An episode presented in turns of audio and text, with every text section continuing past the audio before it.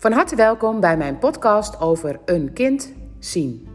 Een kind zien is een titel die ik heel vaak gebruik bij heel veel van mijn webinars, van mijn, nou zelfs in een podcast benoem ik dat denk ik wel heel vaak. En ook in de mail die ik beantwoord, is dat wel heel vaak een antwoord die ik geef. Want als ik een mailtje krijg, dan ehm, is er bij baby's natuurlijk ook dat ik veel lichamelijk doe. Maar is er bij kinderen die ook maar een klein beetje ouder zijn, ook vooral een spiegel wat een kind geeft. En die spiegel, nou, ik denk dat ik daarvoor sta, dat het voor mij belangrijk is dat een kind gezien wordt in wat het laat zien door middel van de spiegel. Vorige week had ik een ouder en die ouder die liet ik dat uh, weten. Dat was echt een super gaaf jongetje. En ehm, ik merk dat ouders het soms ingewikkeld vinden om als ze dan bij mij komen, dat ik dan aangeef dat het belangrijk is om eens te kijken naar wat een kind spiegelt. En uiteraard begrijp ik dat. Ik heb zelf ook heel veel gespiegeld waar ik soms wel eens moedeloos van werd dat ik dat ook weer fout deed. Maar daar gaat het niet over. Het gaat erover dat je kunt zien dat een kind zo puur is en zo heel is en zo afgestemd op jou, dat een kind precies laat zien wat er ook speelt in jou. En dat zijn dingen die spelen die we bij onszelf wegdrukken.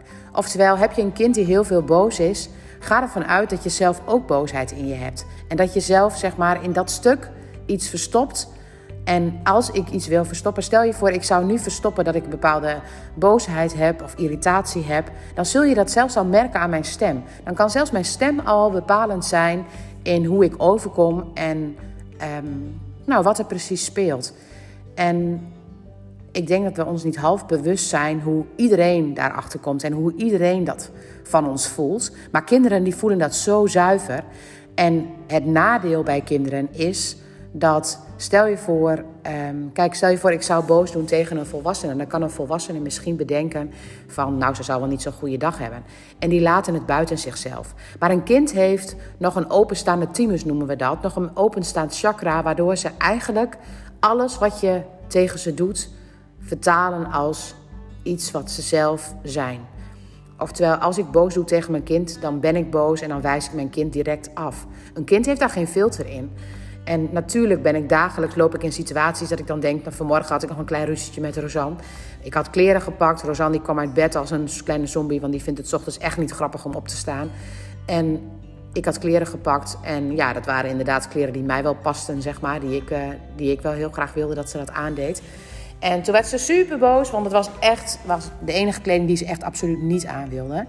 En toen zei ik tegen haar van, kom op, we gaan nu niet weer ruzie maken. Elke ochtend die ruzies over de kleding. Dan ga je zelf naar boven, pak je zelf de kleding en dan doe je zelf iets aan. Dan kom je ook niet op deze manier beneden. En ik merkte aan haar direct dat ze een afwijzing had. En ik weet ook dat het voor een kind belangrijk is om, ehm, nou, om daar ook mee te dealen. En toen ze weer terugkwam beneden en ze had zich aangekleed, toen heb ik haar ook heus geknuffeld. Alleen ik merk, je merkt gewoon dat in bepaalde zinnetjes uh, ik alsnog ook afwijzing gebruik. En um, ik merk ook dat het bij Rosanne bijvoorbeeld ook heel extreem binnenkomt en dat ze gelijk een gevoel heeft van nou, dat ik haar niet meer leuk vind of dat er een bepaalde disharmonie is die ze eigenlijk helemaal niet zou willen. Oftewel, Maak van het verhaal een spelletje en ga niet. Kijk, ik kon de afloop baalde ik wel even dat ik denk van had ik dat niet even wat anders kunnen brengen. Nee, dat lukte me even niet. Ik mag ook op dat moment zeg maar lief naar mezelf zijn. Want op het moment dat ik dan niet lief naar mezelf zou zijn, dan voelt Rosanne dat ook. Dus dat werkt ook niet. Dus het gaat erom dat je gewoon puur bent. En um, uh, in gesprekken die ik wel eens heb en ook in hulpvragen die ik wel eens heb, uh, merk ik dat ik zelf trigger, maar dat is van mezelf dus dat ik zelf trigger op een mail waarin dan heel veel staat over een kind wat er niet goed gaat en waar een kind tegenaan loopt. En ik merk dat ik het dan uh, soms ingewikkeld vind om in die mail te beschrijven dat het ook vooral belangrijk is om naar de spiegel te kijken. Dat een kind met hetgeen wat hij doet ook een spiegel geeft. En op het moment dat je kunt zien dat het een spiegel is en je kunt het bij jezelf veranderen, dan verandert het ook. Maar het moment dat je helemaal naar buiten gericht bent, en als ik dan bijvoorbeeld aangeef, zoals vanmorgen, dat het aan Rosanne lag in plaats van aan mezelf. Um, zo voelde het voor mij misschien wel even, maar voor Rosanne vond dat het aan mij lag.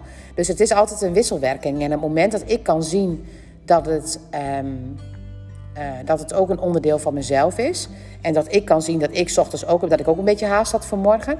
Dan kan ik mijn deel weer bij mij laten. En dan merk je ook dat Rosanne anders gaat reageren. Dus op het moment dat je de spiegel die er is van je kind kunt zien bij jezelf. En ehm, als je dat ook kunt vertalen naar jezelf, dan krijg je zoveel, zo'n mooie open verbinding en wisselwerking. Waardoor je denk ik in dat stukje zo prachtig kunt groeien samen.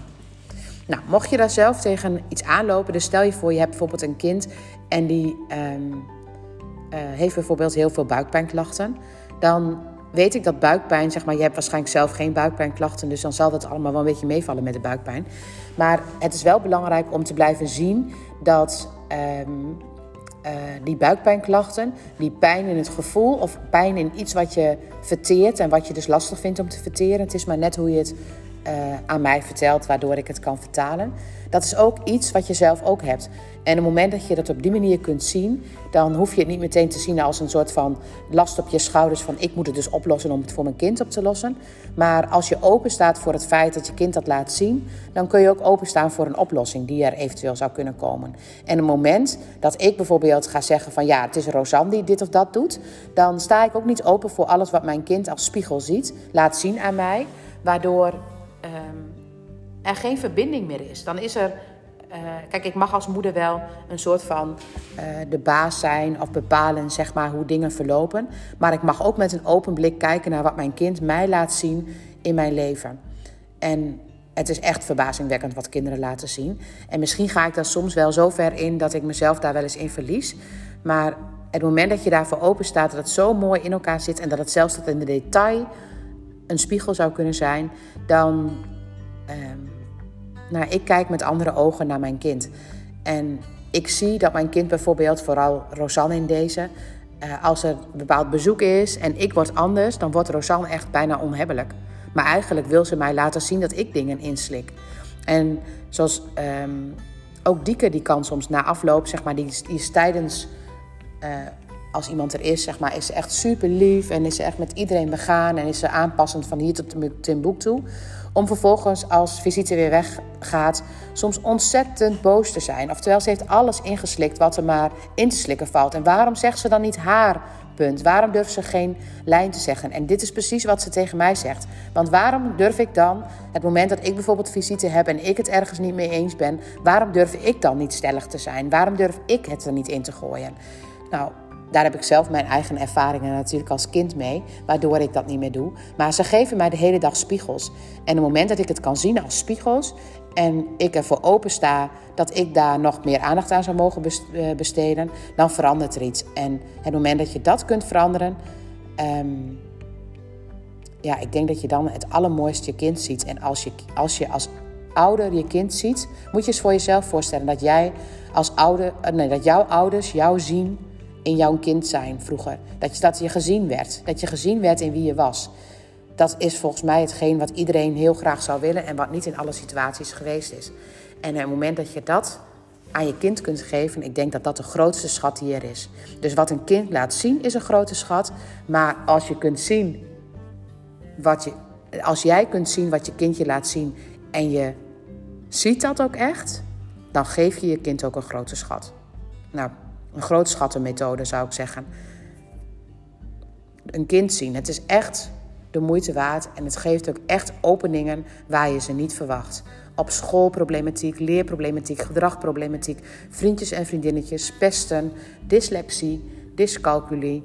Um, nou, noem het zo temperamentvolle kinderen, boze kinderen, eh, verdrietige kinderen, kinderen die heel veel zorgen hebben. En op het moment dat je op die manier kunt kijken, open je denk ik voor hun uh, open jij jouw ogen en, en jouw hart, omdat je het moment dat je het zo kunt zien, je bij een kind echt een andere vibratie geeft. Dankjewel voor het luisteren en tot de volgende podcast.